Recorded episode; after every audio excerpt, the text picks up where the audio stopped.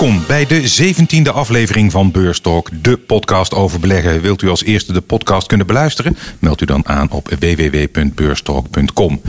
In de wekelijkse podcast bespreek ik, Rob Jansen, met mijn gasten de relevante ontwikkelingen op de financiële markten. En natuurlijk houden we daarbij onze blik op de toekomst gericht. En blijf luisteren, want aan het eind krijgt u een beleggingstip. Mijn gasten in deze 17e aflevering zijn Nico Inberg van deaandeelhouder.nl en Najib Nakat van Hof Horneman Bankiers, onderdeel van Van Landschot Kempen. Welkom. We kijken aan het begin altijd even naar het sentiment op de beurzen. Um, ja, het decennia oude record van de AEX is gesneuveld. Uh, gisteren de index sloot boven de 708 punten. Nico, knalde bij jou de champagnekurken? Nou, niet helemaal, maar ik vond het wel uh, leuk. Het uh, zat er al een aantal dagen aan te komen natuurlijk. Ja. Ja. Dus het werd ook uh, een keer tijd dat het gebeurde. En het ging zo hard gistermiddag dat ik denk, nou nu halen we het wel tot half zes. Ja. En dat bleek inderdaad. En nou ja, goed, het, het, is, ik denk het is een tussenstopje. Dus, ja, een tussenstopje. Ja, kijk jij er ook zo naar, naar Jeep? Verder geen speciale betekenis. Het is natuurlijk vooral een psychologische barrière voor beleggers, denk ik. Het oude record. Nou, ik weet niet of de, de AX 700 1.6, wat was het geloof ik, uh, een psychologische barrière is. Want uh, er zijn volgens mij 3 miljoen indexen in de wereld met allemaal hun eigen psychologische Voor de Nederlandse belegger, die kijkt toch wel, uh, die kijkt toch wel naar de AX? Voor de Nederlandse belegger, die kijkt naar de AX. En wij zijn alle drie oud genoeg om het nog te herinneren, die, dat moment uit 2000, ja. dat we toen nog dachten van hoe lang duurt het voordat we terug zijn. En ik denk dat niemand had kunnen bedenken dat dat pas 2021 nee. zou zijn. Nee. maar voor de rest is het denk ik wel een een aanwijzing dat het op zich goed gaat uh, met de bedrijven, uh, met de beste bedrijven van Nederland. En uh, ja, wat eh, Nico zegt, tussenstop, dat denk ik ook. Ja, dus de weg naar boven ligt gewoon open nog. Dat denk ik wel. En kijk, je hebt, je hebt altijd ja, correcties af en toe. Hè. Dat, dat, dat hoort er ook bij. Maar het ziet er heel goed uit. En we hebben net gekeken, ik hoorde net het aantal nieuwe banen in Amerika. Ja bijna 1 miljoen. Dus het, ja, er zit echt herstel aan te komen. En dat gaat waarschijnlijk meerdere jaren duren. Dus ja, dat is heel goed voor het bedrijfsleven. Ja. Wordt dat ook ons uh, voorland? Najib, inderdaad, die banen in Amerika, er was 665.000 uh, banen erbij, was verwacht. Is inderdaad uh, over de 900.000 geworden. Krijgen we dat hier ook als we eindelijk aan het vaccineren zijn geslagen? Um, ja, kijk, als je specifiek naar Nederland kijkt, dan is de werkloosheid hier wel heel erg meegevallen. Dat... Uh, door alle steunmaatregelen. Dat is natuurlijk wel het grote verschil met Amerika geweest. Maar in zijn algemeenheid hè, is het ons voorland dat uh, een heropening leidt tot meer economische activiteit. Ja, natuurlijk. Um, maar de grote vraag is natuurlijk of dat uh, heel langzaam gaat, uh, stapje voor stapje, of dat we in één keer open kunnen en hoe lang het duurt. Er zijn zeker in Europa nog wel wat vragen over het, over het tempo. Um, en de ongedurigheid onder, het, uh, onder uh, de bevolking neemt wel toe, ja. valt mij op. Ja. Ja, ja, veel zal afhangen inderdaad van die vaccinatie. Iets heel anders. Deze week konden beleggers ook bijkomen van de schrik over Archegos. dat is een family office van een Koreaanse Amerikaan, Bill Hwang. Die had met geleend geld belegd. En toen de koersen daalden, kwam hij in de problemen net als Nomura en Credit Suisse die hem geld hadden geleend. Vermogen van Wang was 20 miljard en is waarschijnlijk niet veel meer van over. Nico, ik neem aan dat jij die zaak ook met argusogen hebt uh, bekeken. Hij was al een keer veroordeeld voor handel met voorkennis en toch is het hem gelukt om zoveel geld te kunnen lenen. Ja, ja dat, dat was eigenlijk de oorzaak van alles wat er gebeurd is. Want hij, hij had een hedgefund. Uh, ja, daarvoor is hij in 2012 op de vingers getikt. Moest een boete betalen wegens insider trading. Toen is hij op een of andere manier een jaar later doorgaan als een family office. En de family office, dat, dan ja, beheer je eigenlijk geld voor je, ja, de naam zegt het al, je familie, jezelf en een paar anderen. En dan heb je niet de verplichting om al je uh, uh, aankopen zeg maar, bekend te maken bij de, bij de SEC. En er was dus ook helemaal niks van hem bekend eigenlijk. Alleen de banken zelf, die wisten wat hij deed. Omdat hij ook niet... Hij kocht geen rechtstreeks aandelen aan of, of, of opties of, of wat dan ook. Maar hij deed dat via een, een swap met een bank. En dus die banken die stonden in het aandeelhoudersregister van die bedrijven. En zo zijn ze er ook achter gekomen wat die, waar die overal posities had. Ja. En uh, het kwam een beetje in de stroomversnelling omdat Viacom met een, die wilde een uh, kapitaalemissie doen. En die mislukte eigenlijk. Dat aandeel was opgelopen van 30 naar 100. Toen wilden ze 85 een emissie doen. Nou, dat ging mis. En hij had daar een hele goede positie in. Dus die, die, die positie van hem die kwam, die kwam onder water te staan. En toen zeiden de banken, hey, je moet bijstorten, want je hebt niet voldoende geld. En toen is het balletje gaan rollen. Hij is toen waarschijnlijk eerst zijn, zijn Chinese aandelen gaan verkopen. En die week ervoor. Want die lagen ook allemaal onder druk. En daarna hebben de banken het heft in handen genomen. Die hebben gezegd, nou, wij doen het zelf. En de één voor één hebben ze de boel verkocht. Ja, um, Gaat dit nog uh, verder gevolgen hebben, uh, Najib? Of denk jij dat de storm met uh, dit fonds Family Office wel voorbij is nu? Dat denk ik wel, maar dit zal ongetwijfeld gevolgen hebben dat er meer disclosure gegeven zal moeten worden. Omdat ze zich uiteindelijk toch een beetje verstopt hebben in de markt met die, met die zogenaamde total return swaps. Hm. En bovendien was er ook een, flinke hefboom in een aantal van die, van die trades. Hoeveel precies weten we niet. Ja. En de schade bijvoorbeeld bij een aantal van de banken is ook nog niet helemaal duidelijk. Want wat daaromheen uh, zich heeft afgespeeld rondom die momenten van die verkopen is toch ook wel heel bijzonder. Want dan hebben die banken ook geen enkele genade met elkaar. En het blijkt dat Goldman eigenlijk wel weer de snelste is geweest. Iedereen rende naar de uitgang, geloof ik, en wilde van die nou, aandelen af. Ja, ze wilden overleg onderling hebben hoe dit uh, probleem van hun gezamenlijke cliënten aan te pakken. En uh, ik heb de indruk dat Goldman dat moment al aangegrepen heeft om alles te verkopen. Maar Credit Suisse heeft verreweg de, de grootste schade. En ja, echt serieus. Uh, maar hoeveel het precies is, 3, 5 of 7 miljard, daar, uh, dat is nog niet helemaal duidelijk. Maar het heeft dus echt wel consequenties. Maar voor Credit Suisse uh, is het natuurlijk heel vervelend. Ja. Maar de banken zijn inmiddels zo goed gecapitaliseerd dat ze het wel kunnen hebben. Ja. Voor Credit Suisse is het enorm sneu dat het volgens mij een, een, een, een heel vervelend rijtje begint te worden. Waar het blijkt dat hun risicomanagement toch niet helemaal goed op orde is. Want het schandaal met Greensill, daar zaten ze ook tot over hun oren uh, in. Voor 10 miljard geloof ik. Ja, ja dat fonds was 10 miljard groot. Ja. Uh, inmiddels uh, zijpelt er steeds meer nieuws uit dat er ook de, de, de fraude veel groter is dan men denkt. Hm. Er zijn dus valse facturen ge gebruikt als, als onderpand en zo. Ehm, dus ja, je ziet toch over het algemeen, als het, als het maar lang genoeg goed gaat, dan wint uh, uh, zeg maar de hebzucht het van, uh, van het risicomanagement binnen een bank. Of in ieder geval bij een aantal banken. Hmm. Want Nomura uh, had helemaal geen uh, zaken met hem gedaan de afgelopen jaren tot zeg maar anderhalf jaar geleden. Ja. Die is pas op het laatst ingestapt, want het is schijnbaar een hele lucratieve business. Ja. Voor Goldman die wilde, die, die, wilde hem eerst ook niet aan boord hebben. Hij heeft, hij heeft uh, jarenlang geprobeerd om een account te openen bij Goldman. die kwam nooit door de, cover, de governance.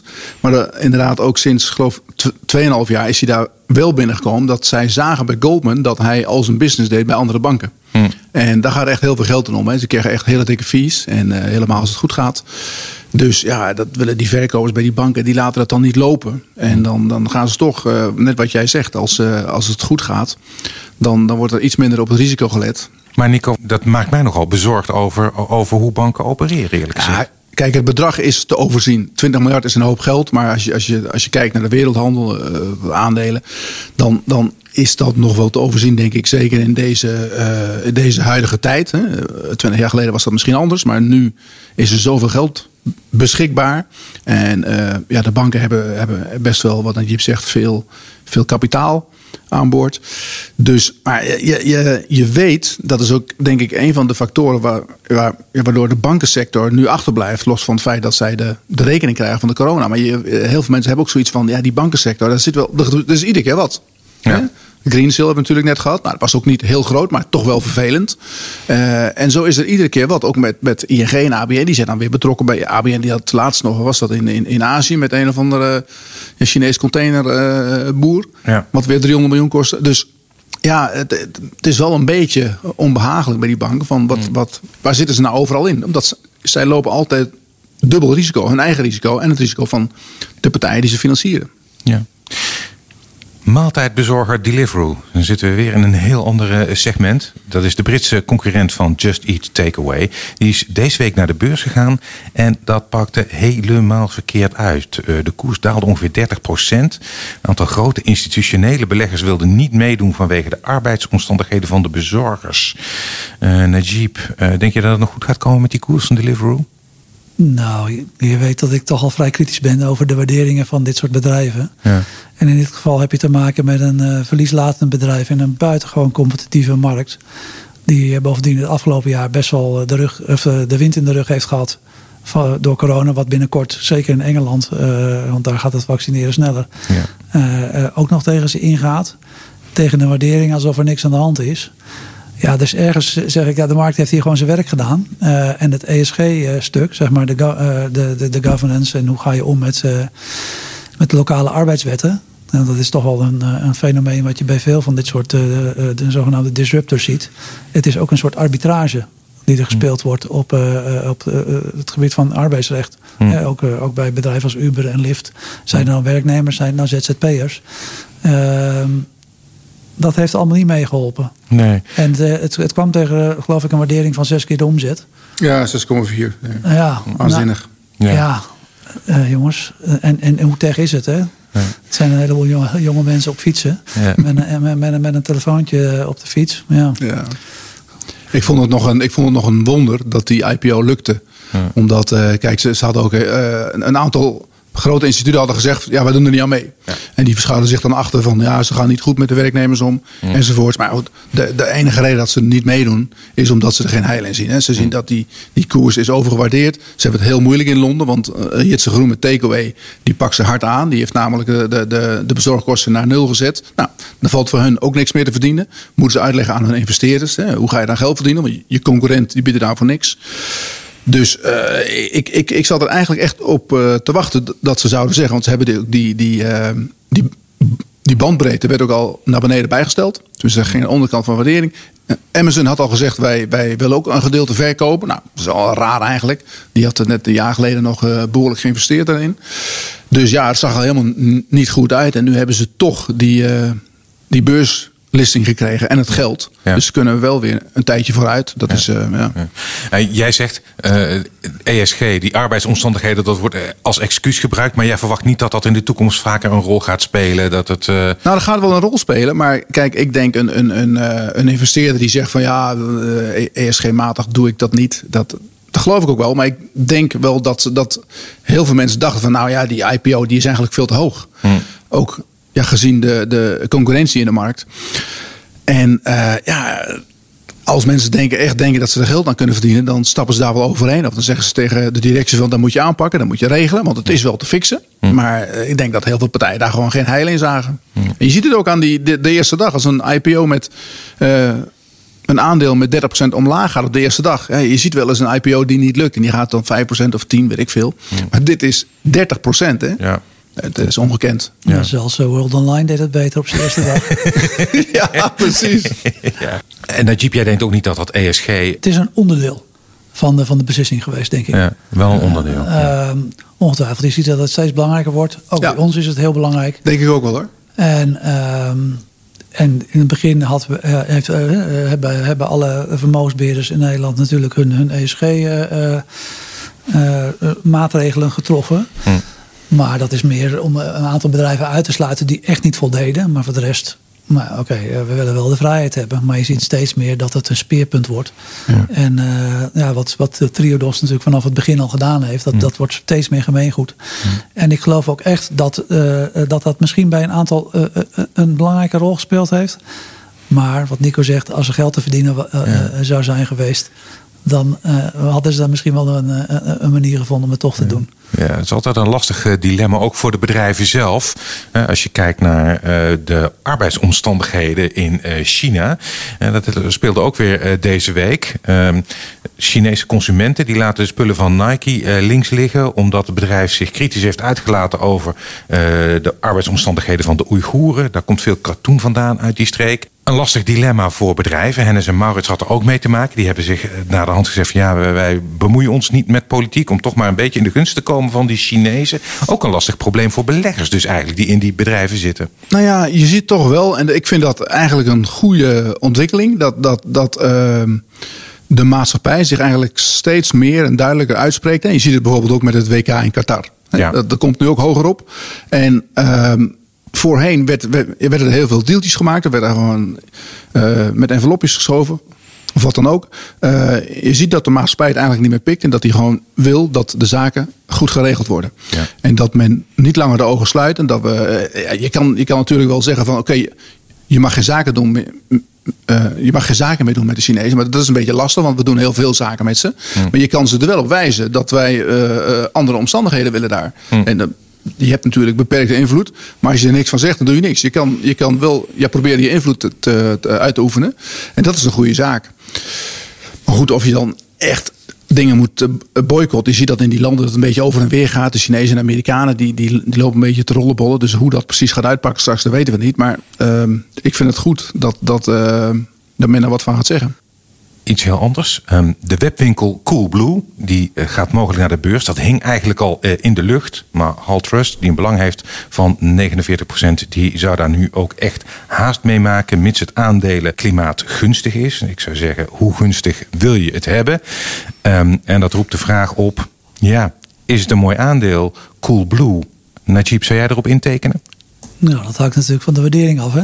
Dat, ja, dat... Uh, uh, waardering van, uh, van Deliveroo op 6,2 keer de omzet. Daar, hmm.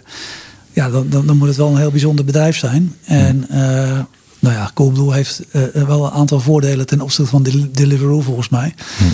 Maar de, de waardering is uiteindelijk het belangrijkste om, om zo'n beslissing te nemen. En de waardering van dit soort bedrijven, dat, dat verschilt nogal. Mm. er, is een, er is een online retailer uh, witgoedretailer in, in Engeland. Die gaat op tegen ongeveer anderhalf keer de omzet. Hm. Maar je hebt ze ook tegen zes keer de omzet. Hm. En uh, als je naar de cijfers van Coolblue kijkt, zie je wel dat de omzetgroei behoorlijk aan het afnemen was. Hm. 2018 en 2019.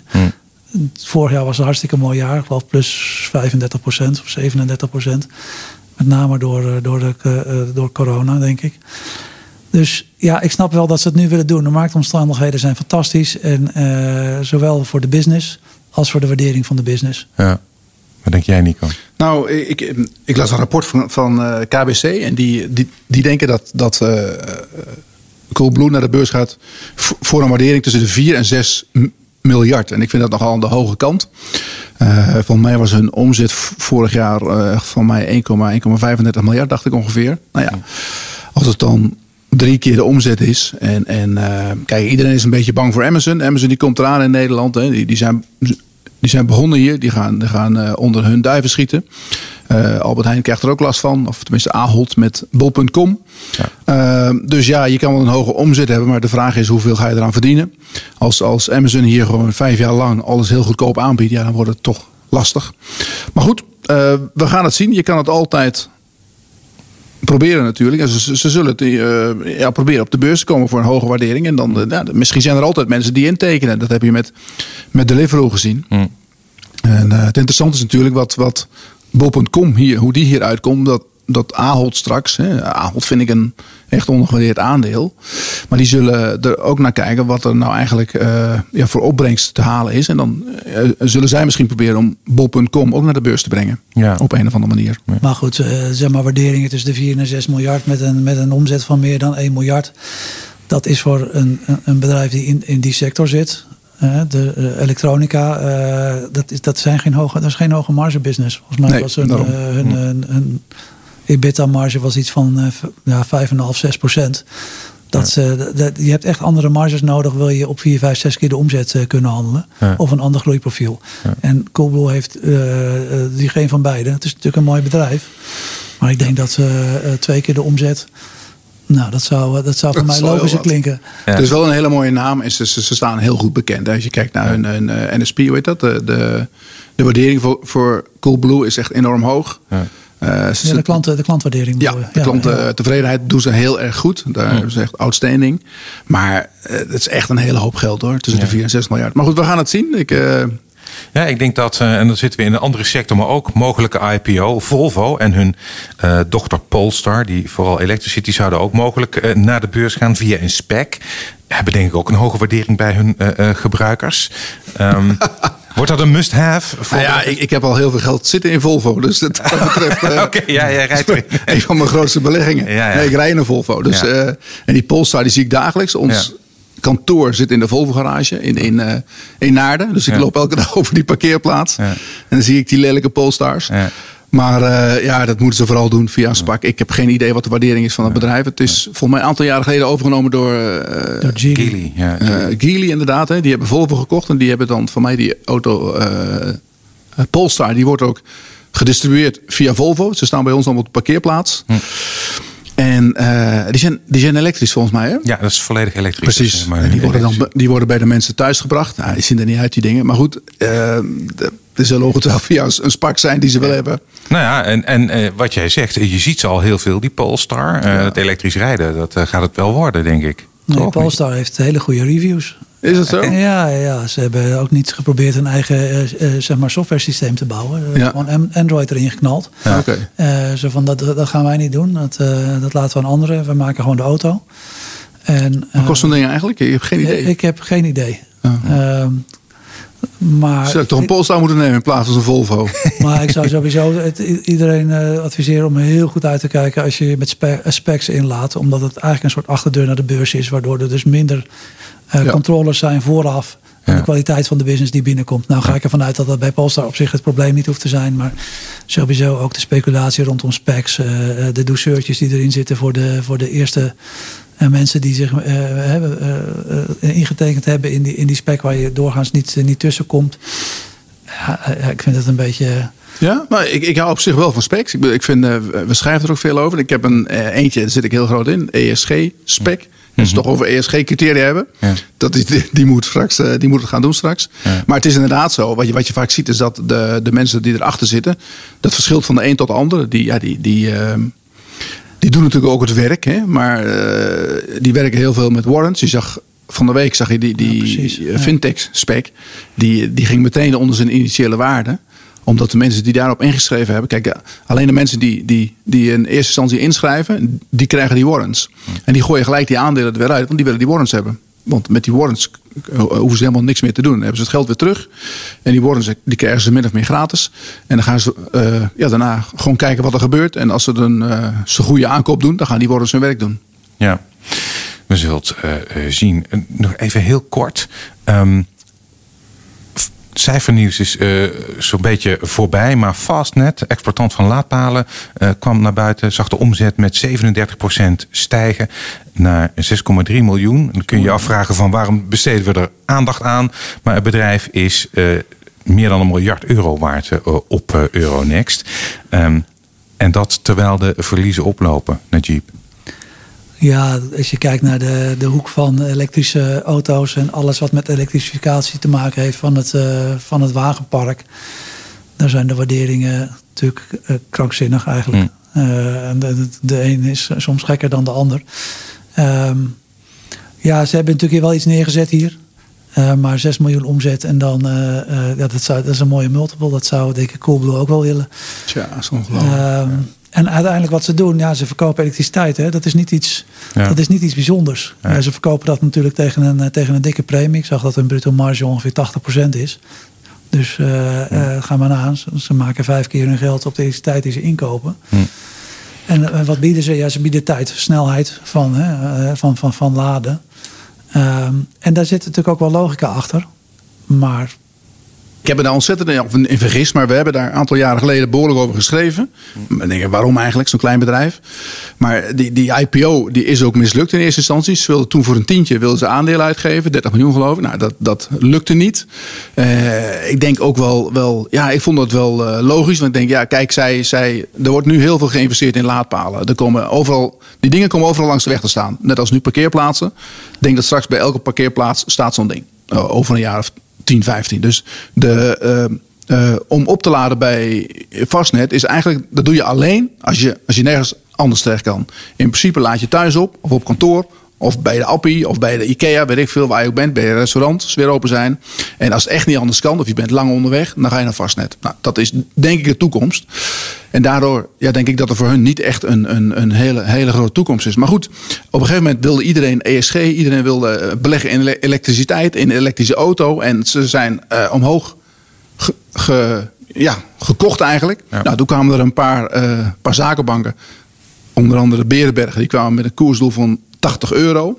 Dus stond, het liep alleen maar op. Ja. En er was ook geen partij die short kon gaan, want de, de, je kon ze niet inlenen. Dus er was helemaal geen tegenwicht. En uh, oh, arme mensen in Nederland die dachten van, uh, ik moet iets hebben wat uh, elektriciteit doet, die kwamen daar terecht. Nou, toen heeft het Berenberg, en dat doen die zakenbanken, die schrijven dan zo'n aandeel omhoog. En dan hopen ze dat ze die emissie mogen doen. En die heeft er 150 miljoen euro, hebben ze geld opgehaald in Duitsland. Op 80 euro. Nou, dat was, gebeurde eigenlijk hetzelfde als bij Deliveroo. De dag daarna, uh, er stond 90 euro. Nou, emissie op 80 euro.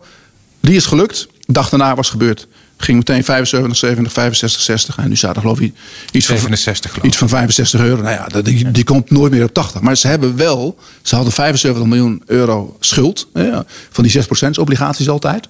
En nu hebben ze opeens uh, een kaspositie van 75 miljoen. Hm. Ja, dat hebben ze ontzettend goed gedaan, die, die mannen. Knap gedaan. Ja. Petje af. En, en, maar nu is van, ja, ze hebben een hoop geld, dus ze kunnen door investeren. Ja. Um, en ik denk Blijft dat de vraag of, dat, uh, inderdaad, of, de, of het businessmodel lange termijn uh, gaat werken. Ik, hoop dat ze, ik denk dat ze hopen dat ze worden overgenomen door straks een BP of een Shell of een Total. Ja. En dat die dan de zaak dichtgooit. Ja, ja, ik bedoel, hun marge op elektriciteit is veel en veel hoger dan alle andere alternatieven. Maar het gaat wel ietsje sneller. Ja. Maar wat Nico zegt, als het dus overal uh, mogelijk is om op te laden dan heb je misschien die, eh, die, die, die hoeveelheid niet meer nodig. Ja, maar heb je gezien wat Shell gaat doen en wat Volkswagen gaat doen in elk land? Er komt echt massaal van die laadpalen bij. Dus, uh, maar goed. Ook deze week zijn er weer wat luisteraarsvragen binnengekomen, onder andere over OCI. En um, die maken kunstmest. En ja, ze hebben hun plannen gepresenteerd eh, als het gaat over duurzaamheidsdoelen. En deze uh, luisteraar die is geïnteresseerd in wat jullie vinden van dit bedrijf. Of dat een interessante, kansrijke investering is. Nico, wat denk jij? Nou, ik denk dat OCI het goed doet. Uh, OCI, OCI. Zij, zij hebben, dat, dat aandeeltje lag een hele tijd rond een tientje. Er was niet omhoog te krijgen. Die bestuursvoorzitter Sawiris, Egyptenaar, die heeft uh, uh, zelf ontzettend veel aandelen ingekocht. Een half jaar geleden, rond de 8, 9, 10 euro. Terwijl die familie had al 60 procent. Dus dat was ja, voor mij al een hele duidelijke hint van daar gaat wat gebeuren. Of die, die geloofde zelf wel in ieder geval. En uh, ja, ze, het begint nu te lopen. Ze hadden natuurlijk last van die lage kunstmestprijzen. En ze zit ook in ammoniak. Hè. En ammoniak wordt gebruikt voor, dus dat hopen ze, dat straks daar die hele grote schepen op kunnen varen. Daar zijn ze nu mee aan het testen in Korea. En uh, kijk, die bedrijven die willen ook meedoen in de hele ESG-gekte. Of ja. laat ik zeggen, e- niet ESG-gekte, maar er komt heel veel uh, eh, ESG-geld beschikbaar. En uh, die hebben daar een update over gegeven. En ik denk dat als dat lukt met het ammoniak, dan is het helemaal een mooi bedrijf. Maar überhaupt hebben zij met de kunstmest die ze verkopen, die nu op tegen een stuk hogere eh, prijzen dan een jaar geleden verkocht wordt. Je komt daar een hele mooie cashflow aan. En dat is altijd hun bedoeling geweest. Investeren in nieuwe fabrieken in Amerika. Dat hebben ze gedaan. Alleen het zat iedere keer tegen door allerlei oorzaken. En nu begint het echt te lopen. Hmm. Heb jij er nog naar gekeken, Najib? Uh, ja, ik, uh, ik, heb er ook naar gekeken. Maar ik kijk altijd eerst terug. Ja. Ja, ja. ja, dat moet je niet doen in dit geval. En dan uh, zie je een bedrijf wat tien jaar dat niks opgeschoten is qua koers. Nee. Of, het, en hij heeft ook helemaal niks verdiend de afgelopen tien jaar. Hm. Dus dan ben ik altijd wat, wat voorzichtiger om te denken van nou ja, maar nu gaat het wel gebeuren. Dat zie je ook vaak bij analistenrapporten bij, met, met bedrijven met toch wel wat een moeizamere geschiedenis. En dan vanaf nu is het een rechte lijn omhoog. Um, maar uh, ze zijn wel goed gepositioneerd. Ja. Uh, zeg maar, als het inderdaad gaat gebeuren met, met ammoniak. En, ja. maar dat, ook die hele waterstofrevolutie, dat, dat staat echt nog maar in de, in de schoenen. Vergelijk het met de, zeg maar, de elektrificatie van het wagenpark een jaar of nou ja, tien geleden. Ja. Heel erg eh, aan het begin. Dus wat eh, betekent ook heel veel onduidelijkheid en onzekerheid welke kant het op gaat.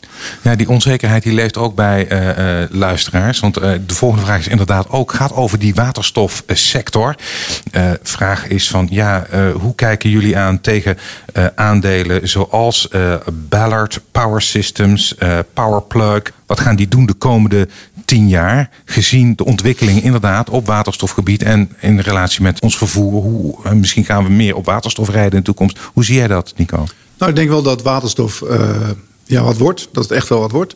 Het is heel moeilijk om daar nu al de winnaars te selecteren van de toekomst.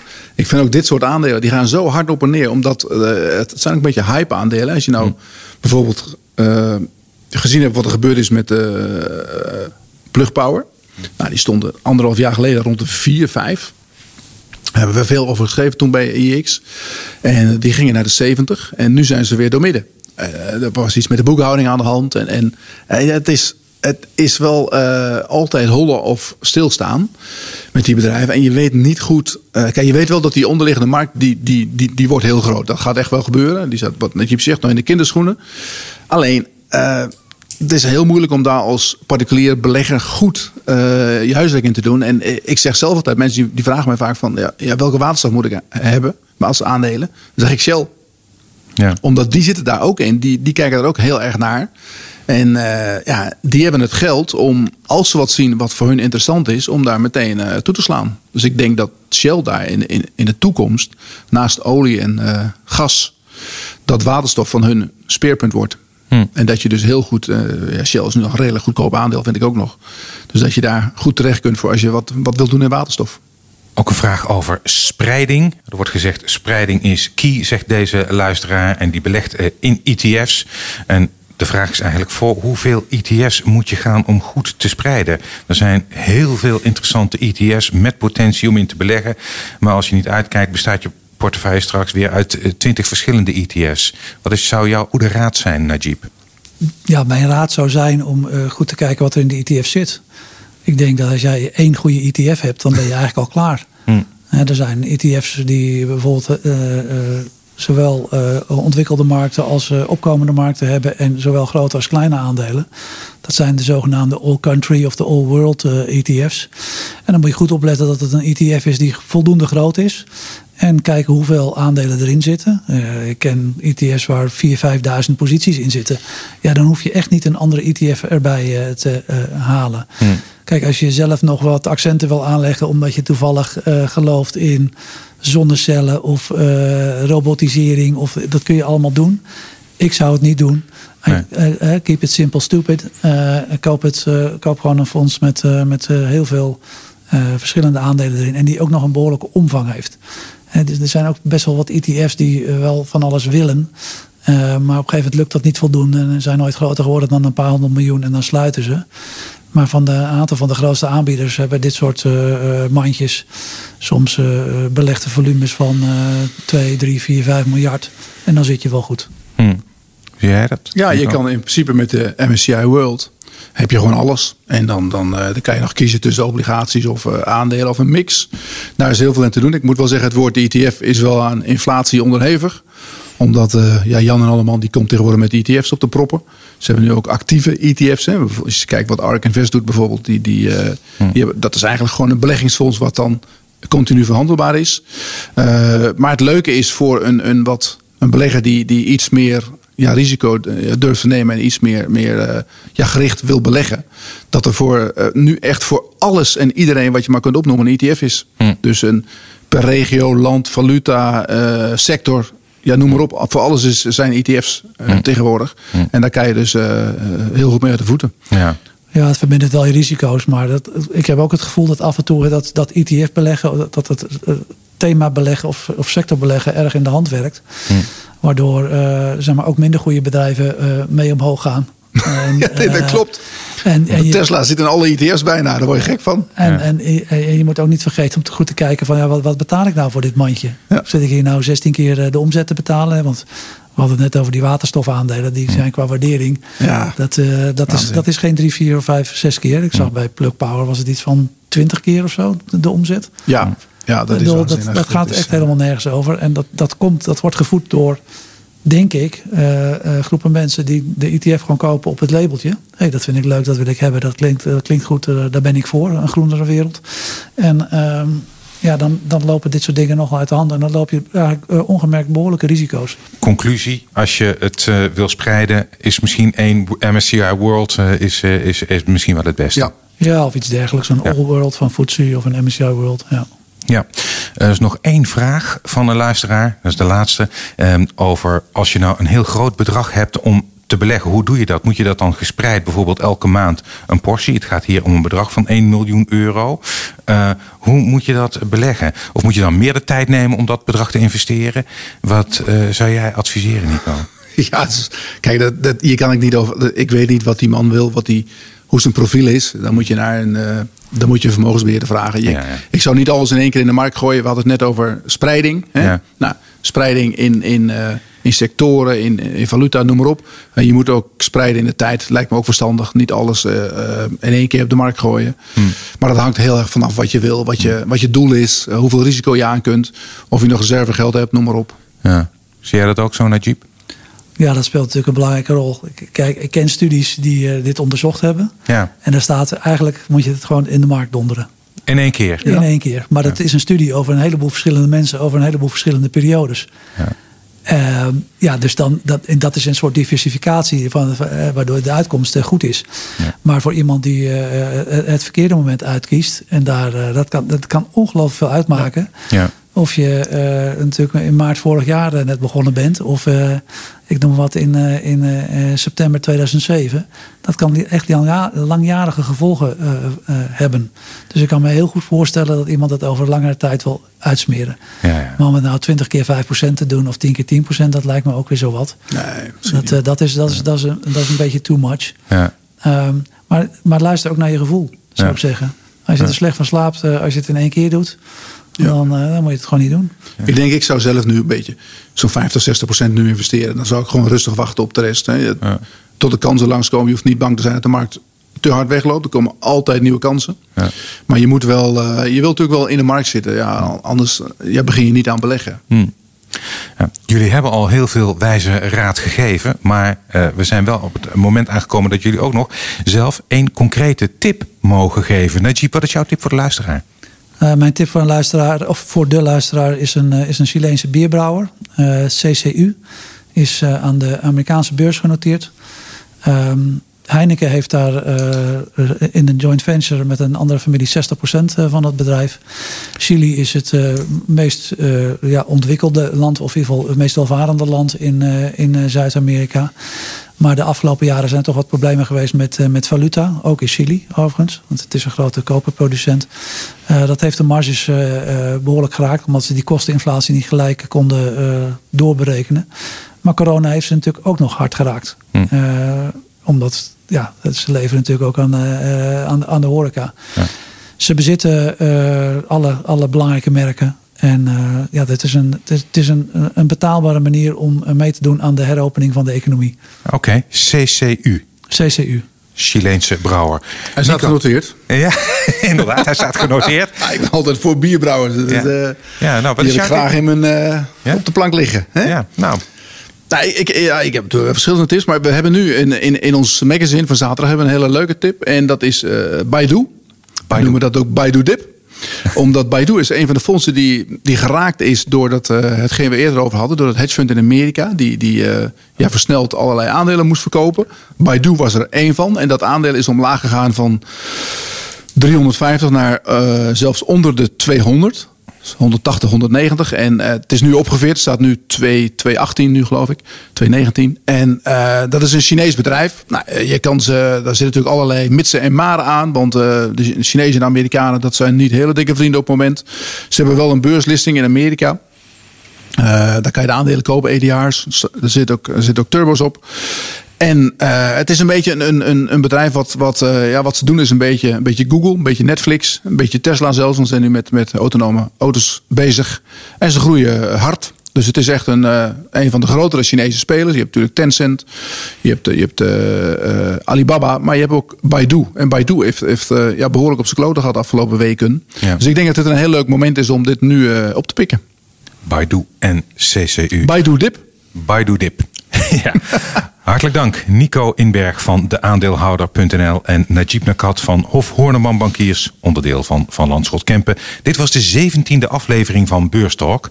Dank voor het luisteren. Als u wilt reageren of een beleggersvraag heeft voor mijn gasten, mail dan naar rob.beurstalk.com en graag tot volgende week. Deze podcast verwoordt de inzichten van mijn gasten, niet die van presentator Rob Jansen. Het is geen beleggingsadvies. Verdiep u in de risico's van beleggen voordat u eraan begint. De waarde van uw belegging kan fluctueren. In het verleden behaalde resultaten bieden geen garantie voor de toekomst.